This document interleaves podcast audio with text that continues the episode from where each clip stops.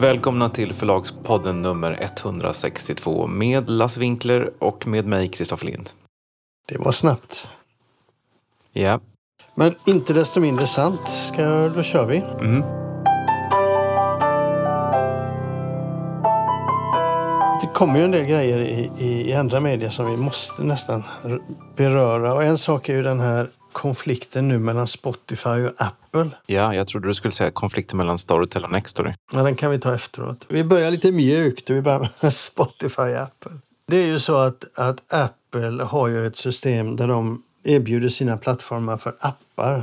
Och, och, och Spotify har ju en, en app på Apple. Och i den så kräver ju Apple då alltid upp till 30 procent. Det finns väl en del som har lite mindre.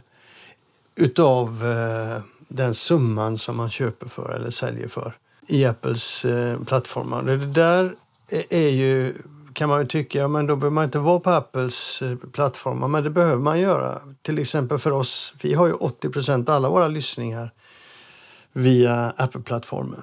Så jag tänker att det är inget alternativ för Spotify i dagens eh, läge att ta bort Apple. Men de är ju så jävla förbannade för att Apple har ju nu stoppat deras eh, försök att sälja ljudböcker via sin app på, Apples plattformar. Om de inte, antingen betalar de 30 procent eller så får de inte sälja dem kan man säga. Mm. Och det här är en gammal, gammal strid som Spotify har fört med Apple. Det finns ju ett, eh, en konkurrensutredning inom EU just för, eh, som berör Apple och Spotify. Efter tre år så har det fortfarande inte hänt någonting där. Va? Nej. Och nu ser det där ut att äventyra Spotifys satsning på ljudböcker. Har du följt det där? Har du sett? Funderat? Ja, jag har följt det och eh, det är svårt att inte stå på Spotifys sida här. Apple har ju närmast ett konkurrens eller liksom ett monopol eh, situation över själva distributionen men fortfarande så är det ju så att det är ju styckvis försäljning vi talar om. Och även om här finns en enorm potential och även om det blir väldigt mycket pengar, även om det är lite, blir en liten försäljning så, så är det ju det intressanta är ju om de vill börja med streaming eller om de vill börja med någon slags abonnemangstjänst och där är de ju ännu inte så att nu bråkar de om styckförsäljningen. Jag, jag tror ändå, även om de hittar en lösning så tror inte jag att den kommer liksom revolutionera ljudboksmarknaden. Nej, det gör den ju inte. Men, men, men som det är nu så kan de ju inte ens ge sig in på den där Nej, marknaden. så är det. Och, och för att lägga på 30 procent för att kompensera där så är de ju ute ur konkurrensen. Mm.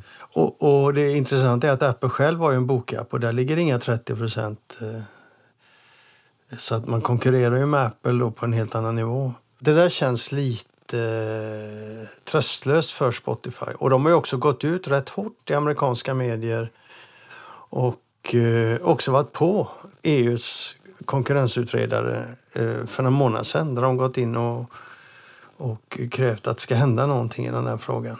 När journalister frågar konkurrensutredaren om de här frågorna så får man inga svar. Det tar den tiden det tar, säger man. Mm.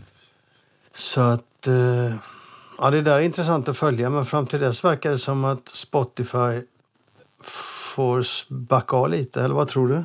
Ja, det tror jag. Jag tror de kommer liksom inte vidare från det här. Nej.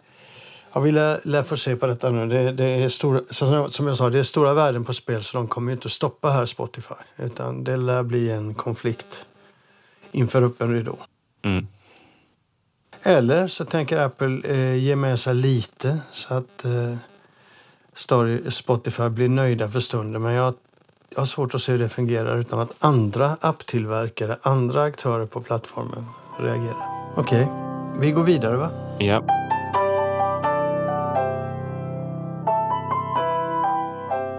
Låt oss prata lite om Augustpriset. För att under senare år har det funnits kritiska röster i branschen om sammansättningar, om jury som utser vinnarna. Och det har jag hört lite i år också, så jag tänkte jag skulle kolla upp hur det ser ut. Så jag gjorde det. Och då är det så här. Bara först en liten grej om, om systemet. Alltså, Förläggarföreningen utser en jury med fem personer i varje grupp som är då skön, fack och barn och ungdomsutgivning. De väljer från cirka 200 titlar ut sex titlar i varje kategori. Och sen utser Förläggarföreningen, Bokhandlarföreningen och Biblioteksföreningen sju personer var i varje kategori som alltså får 21 elektorer som det kallas i respektive skön fack och barn och ungdom. Och för några år sedan så reagerade några förlag på hur fördelningen inom den skönlitterära gruppen såg ut där 19 av 21 personer var kvinnor. De tyckte att det blev alldeles för uh, snävt. Och så jag kollade upp lite grann. För misstanken var att det var så fortfarande, men det är det faktiskt inte. Utan Svenska förläggarföreningen och de andra instanserna reagerar på den här kritiken, även om de inte visade öppet och har försökt att komma åt den här snedrekryteringen. Så i år är fördelningen inom den skönlitterära gruppen 14 kvinnor och 7 män. Jag inser att det här är en diskussion man inte vill ha offentligt och det är ju svårt att få ett fungerande samtal om det här utan att få en del missnöjda och aggressiva röster på nätet. Vet du hur fördelningen är i fackboksgruppen? Nej, jag, jag kollade den här bara för att det var den som var mest uppenbar, så jag kollade den. Mm. Men det, det, tycker jag ju att man kan se lite grann i vilka som har blivit nominerade, att det är så att säga ett kvinnligt urval.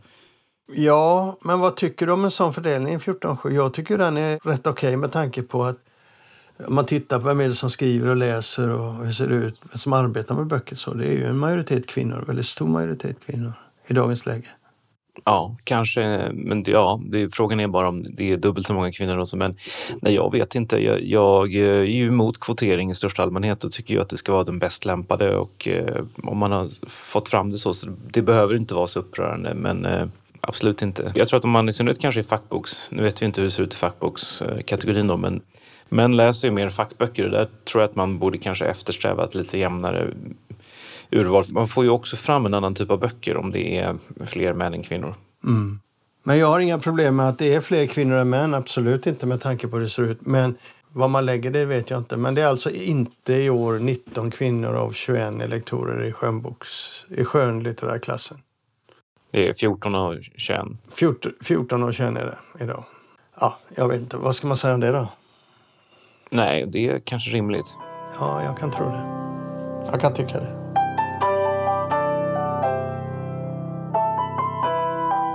Tidningen Skriva har, någon, har en, någonting som kallas för Förlagspanelen och där har jag medverkat ett antal gånger. Och eh, I Förlagspanelen så ställer de olika frågor till olika typer av förlag och olika förläggare. Oftast är det frågor som gäller skriva, att skriva, vad ska man tänka på, hur förhåller ni er till manus och bla bla bla. Men ibland kan också vara frågor som ren, är liksom lite bredare än bara själva skrivandeprocessen utan som handlar om hur man på förlag tänker kring olika saker och sådär. Och det är Johanna Wiman som är redaktör på Skriva som brukar mejla de här frågorna till mig och de är faktiskt väldigt bra. De är så bra så att eh, när vi har haft lite ont om material här i Förlagspodden så sa jag det att vi, kan, vi skulle kunna ta några av, av de här intressanta frågorna som Skriva har lyft och resonera kring dem. För de, de är, många av dem är riktigt bra. Mm. Ja, jag är ju lite sugen på en fråga som vi har pratat om förr lite grann, men ändå.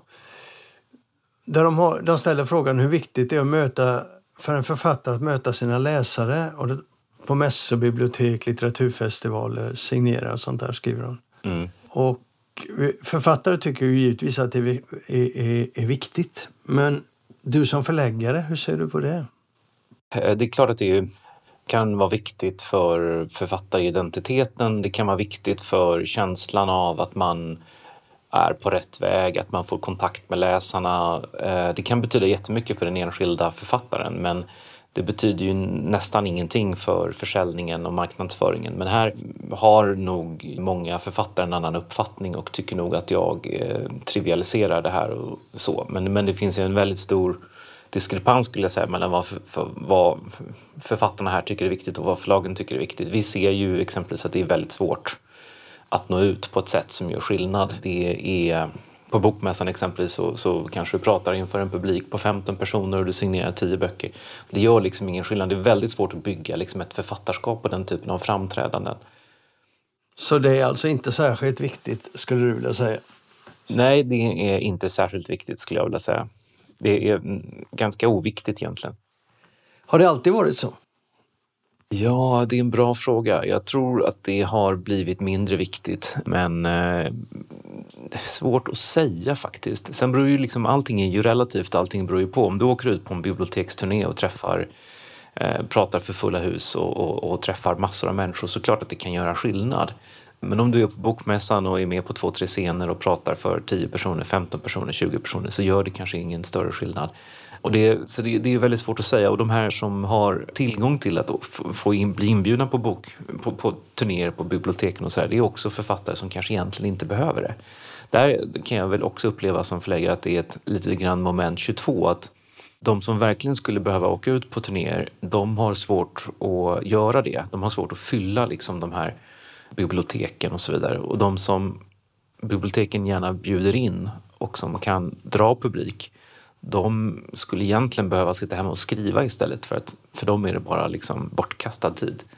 Så det, det, det är inte helt lätt det där. Nej, men jag tänkte på en grej som du sa i början där som jag tror är väldigt viktig. Alltså för författaren att möta sin publik, den innehåller ju annat än att bara sälja böcker. Det finns ju en, en oerhörd eh, viktig aspekt av detta, att känna, att bli bekräftad som författare. Mm. Ja, ja, visst, men, eh, men eh, så är det ju absolut. Men det är ju svårt att motivera stora marknadsföringsinsatser från förlagens sida bara för att författarna ska få känna att de är författare så att säga. Det är liksom stora marknadsföringsinsatser som bokmässor och sånt ska ju helst, du ska helst kunna se att det faktiskt leder till någon försäljning. Mm. Men sen har du den andra, vi kanske ska vara tydliga med det också, du har ju den andra typen utav eh, samtal som du sa, bibliotek och så. Och skolor. Och där är det ju väldigt viktigt för författare att komma ut, dels för att de får betalt, om ett annat. Ja, den biten skulle jag nog säga är den viktigaste för många. Ja. Men finns det några ställen där man som författare absolut inte ska eh, försöka synas? Ur förlagets synpunkt. Nej, det, det, är väl svårt att säga. Det är klart att man, man, man kanske inte ska synas i, i... Alltså det finns ju många sammanhang som inte gör så stor skillnad kan man ju också säga, som är även mediala sammanhang. Alltså man är, om man är med i fel sammanhang så att säga så, så, så, så, är det ingen som uppfattar kanske att det är en författare ens som är med. All uppmärksamhet är inte bra uppmärksamhet. Man ska förstås inte vara med i extrempolitiska sammanhang som kan skrämma bort läsare och så men det är ju självklarheter. Men eh, nej, jag, jag kan inte komma på något sånt. Men om man ska utveckla det där senare lite grann så det har ju varit många som... Jag, jag kan tycka att man som en skönlitterär författare ändå ska undvika att få en stämpel på sig. Utan man, som skönlitterär författare kanske man bäst kan påverka opinionen eller liksom vad man nu vill göra med sina böcker.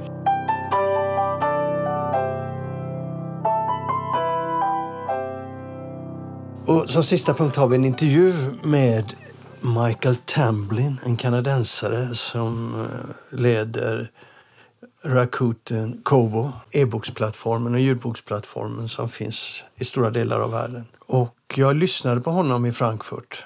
Och det här är ju nördigare än nördigt och intervjun sker på engelska. Men när jag hade lyssnat på honom så fanns det ett par frågor som jag tyckte var så pass intressanta så att jag ville förmedla dem till den svenska bokbranschen. Så jag tog ett samtal med honom. Och då berättade han två saker som är viktiga. Därför att de har arbetat med styckförsäljning av e och ljudböcker men har nu gått över på sju av sina marknader till vad han kallar all you can eat. Och det de har sett då, det är ju saker som vi också ser i Sverige, men det är väldigt intressant att han har fakta för att kunna visa för omvärlden vad som händer när man går från styckförsäljning till all you can eat. Och sen så är också hans berättelse viktig för den ger oss en bild av hur komplext och annorlunda bokmarknaden i Europa är. Och det finns ingen marknad som är lik den andra när det gäller hur man säljer ljudböcker och e-böcker nästan. Och till slut så pratar han också om självpublicerande författares position på marknaden idag. Och det är intressant för självpublicerande författare. Men det är senare delen av intervjun. Och så här låter det. So Michael, your company Kobo or Rakuten Kobo nowadays. Rakuten Kobo. I heard you yesterday and you said something that I thought was very interesting and I wanted to go deeper into. Just give me a little short uh, explanation where Kobo stands today. Sure.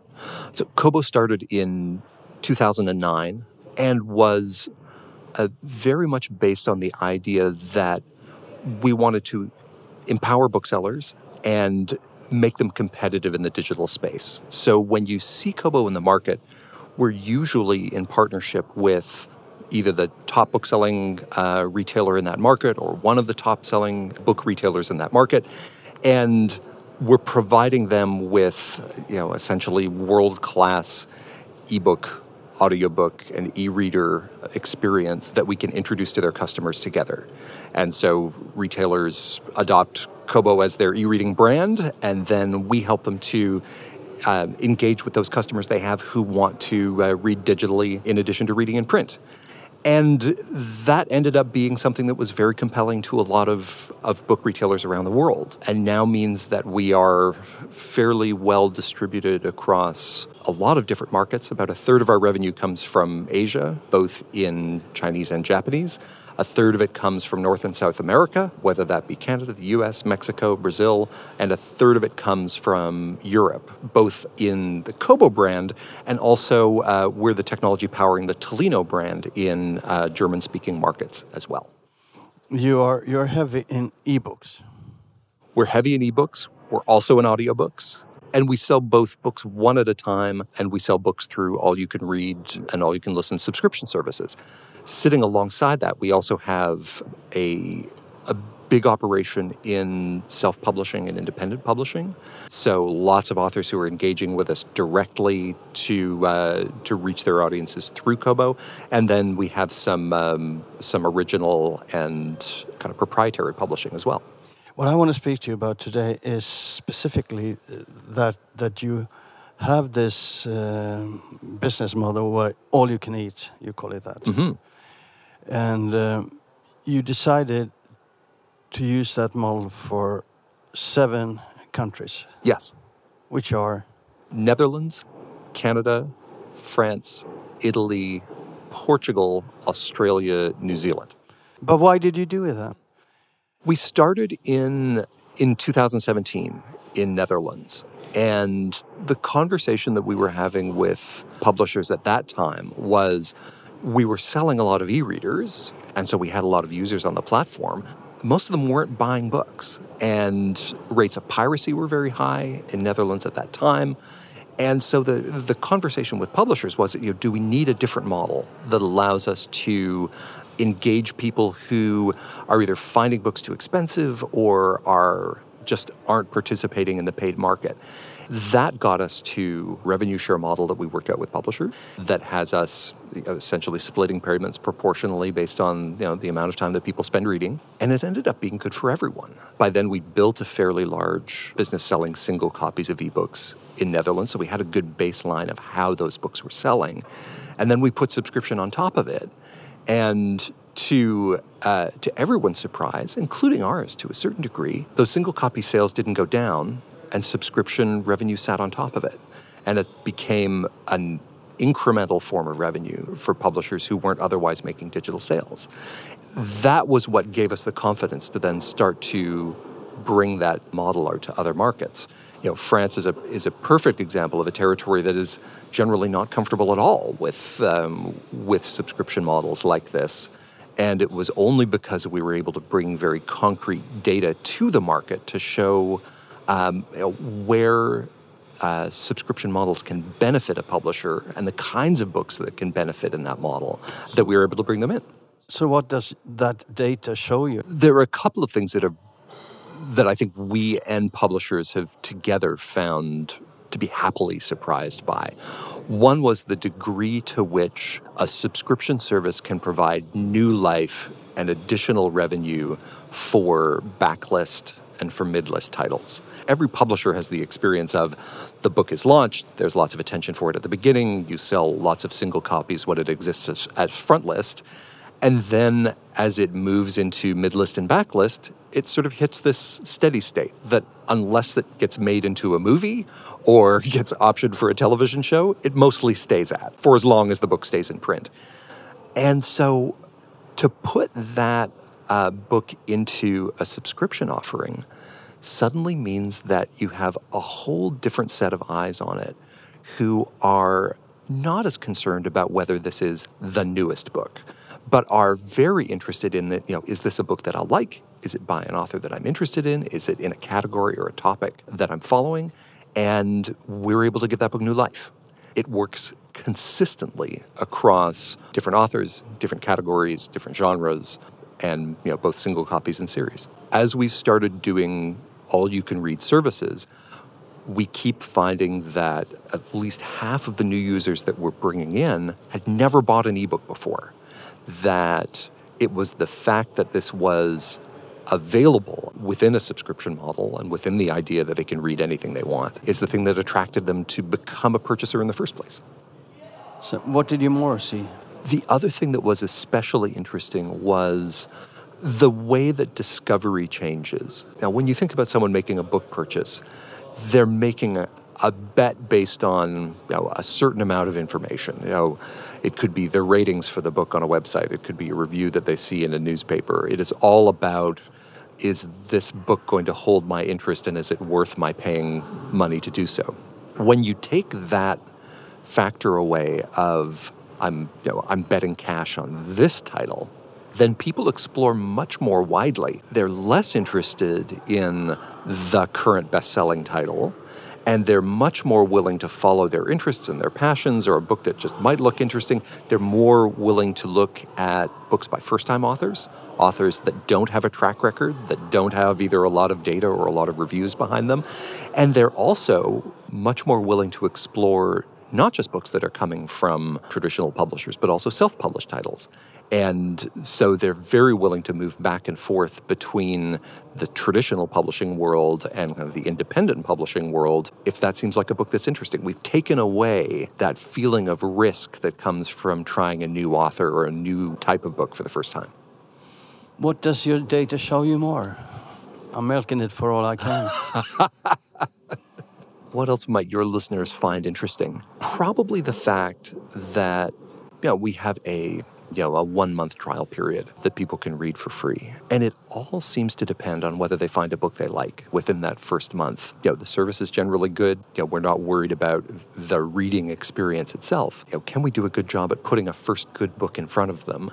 And if they enjoy that experience, meaning if they enjoy the story that they're reading and they enjoy the title that they're reading, then they stay and they continue on. I mean, that's something that we we certainly see through ebooks in general, but it's absolutely the case when we're looking at a subscription service. People are trying to figure out are there books in here that I like? And every time we make the catalog bigger, that stickiness gets stronger. You know, people are more and more likely to stay. As the catalog gets bigger, both the attractiveness of the offering becomes that much more compelling that means more readers in and that means more money for publishers and that means more money for authors. It is you know it's a it's a it's a flywheel that starts to spin. But how do they react on this revenue share model? Because it is always the thing that takes us the most time to talk through when we're bringing a publisher in. But i think we have it down to a fairly simple conversation. It's like give us the books that aren't selling anything Give us the books that have less than 10 digital sales a year or less than 100 digital sales a year, and let's see what happens. And when we get a publisher into that, you know, that kind of experimental cycle, we always get more books later. And what we've now found is publishers starting to be much more deliberate and tactical about managing the books that are in a subscription. So it effectively becomes a secondary market so I have front list where I'm selling books one at a time, where you know I'm making as much per copy revenue as I can, and they're now starting to become quite conscious of where that plateau point is, where it starts to move from front list into backlist. At that point, it's a good time to switch that book over into a subscription model, which then gets it an additional boost of sales that didn't otherwise exist in the single copy market. And that's now predictable revenue as opposed to being an experiment for some publishers. So they know that as soon as this book goes into backlist, we can, you know, we can get another whole audience looking at it for the first time. And that's leading more publishers to pull that period of time in closer and get it into subscription earlier because once it's in there, it's generating that incremental revenue for as long as it's in the service. How do the authors react to this? What's been very encouraging to us is watching the overall percentage of books, of total books available in subscriptions going up over time. So authors are saying, why isn't my book in there? As opposed to saying, I'm worried about my book being in there. So we're, I think now, over 80% of all of the books available in digital in Netherlands, for example, now being inside the subscription service. So it really is the new books, the topical books, the you know the books that have just come out that are being sold only in single copy uh, within a window, and then they're moving into both being sold a la carte and being sold in subscription. And that's an important point because there are some people who just like buying books one at a time. And so we don't see a decrease in overall single copy revenue even while the subscription service is running because you have two different kinds of customers. And this also goes for for audiobooks. Yeah so we have merged uh, we now have combined ebook and audiobook subscriptions that have both in the in there. And you, know, you can have an ebook only you can have an audiobook only the most popular by far is having the two together. You're also a platform for uh, self-publishing yes. authors in english language markets about 25% of the units that we sell are coming from a self published author one way or another. And the vast majority of those are coming through Kobo Writing Life, through our, through our self publishing service. I think when we look back 20 years from now and we think about like how was the how was the book industry disrupted by digital that's going to be where the disruption was in music it was at the retail the point of retail we don't have record stores anymore for video it was the same. We don't do DVD rental anymore. But for books, it's all going to be about the relationship between the publisher and the author.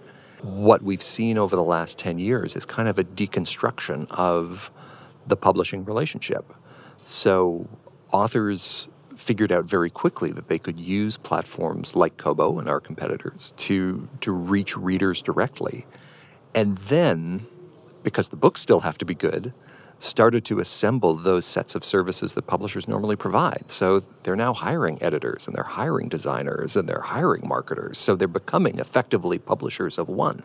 Their platform in the English uh, speaking market is more is higher than in other countries because it started earlier. Yeah. Uh, so we see the same kinds of growth now in France, um, in Netherlands, in Germany that we saw earlier in the US, in Canada, and the UK. So, about you know, 10% of the units that we're selling now in France are coming from self published titles. It took us a long time to get there in English, and we're getting there more quickly in European markets now. It takes a while for authors to understand and respect. Well, uh, understand, respect, but also hear success stories. Like the yeah. thing that drove a lot of people in English markets was you, you hear about authors like Hugh, Hugh Howey, who are making a million dollars a year as a you know as a self-published author, and that wakes people up. And so when you have authors, and it often, to be honest, it's authors who have been you know, who've been pushed out of traditional publishing, who you know maybe were a mid-list author that didn't quite have enough on the sale of their last book to get their next book contract, but they had an audience that was there waiting for that next thing. And they take that audience to to digital and the audience follows them. In sweden the the, the situation is a little bit different because self-publishing authors uh, feel that they are in a different culture and they don't have the respect they want. But that are going to change over time i guess it changes very quickly well and it it changes for two reasons. It changes when platforms are available to allow them to reach an audience directly, and it changes as those authors professionalize. You look at book jackets coming from you know, moderately successful self published authors in major markets now. You can't tell that they came from a self published author. They're, in many cases, being designed by the same designers that traditional publishers are using to design book covers. The irony in, in a lot of this is the same time as authors are assembling the services that used to surround a, that were delivered by a publisher publishers are disassembling themselves and using more freelancers using more outsourced work as opposed to holding it all inside. So in many cases they're drawing from the same pools of talent to do the same thing for two you know, for two different reasons in the same market so I guess the discussion around these topics are going to change rapidly in uh, within the book trade in years to come. I think it should.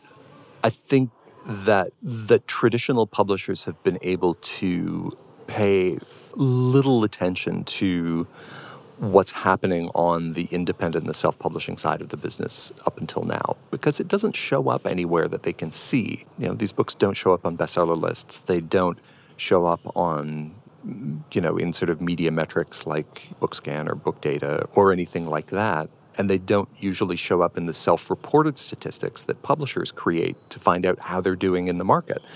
If you look at English publishers or UK publishers. They will regularly circulate data saying ebook sales are flat or ebook sales are down. Clearly, the threat from ebooks is over. We don't have to worry about this anymore. And it will, you know, kind of congratulate themselves and, you know, and move on. But what's happening isn't that ebook sales are going down. They're just going down with traditional publishers, self published authors, and small independents that kind of act like self published authors are consuming more of the space in digital that traditional publishers used to hold. And that's the thing that they should be worried about. You know, every publisher should be worried if they're losing market share. You know, it's kind of a, an accident of the way that this market is tracked that it's very hard for them to see. I described it in my talk yesterday. It's like having another Bonnier. It's like having another Penguin Random House that no one can see in the market that they're all competing with, but they can't see the shape of and they can't see how it behaves. And they can't see the reader. Correct. Interesting. Thank you, Michael Tamblyn. Thank you so much for having me.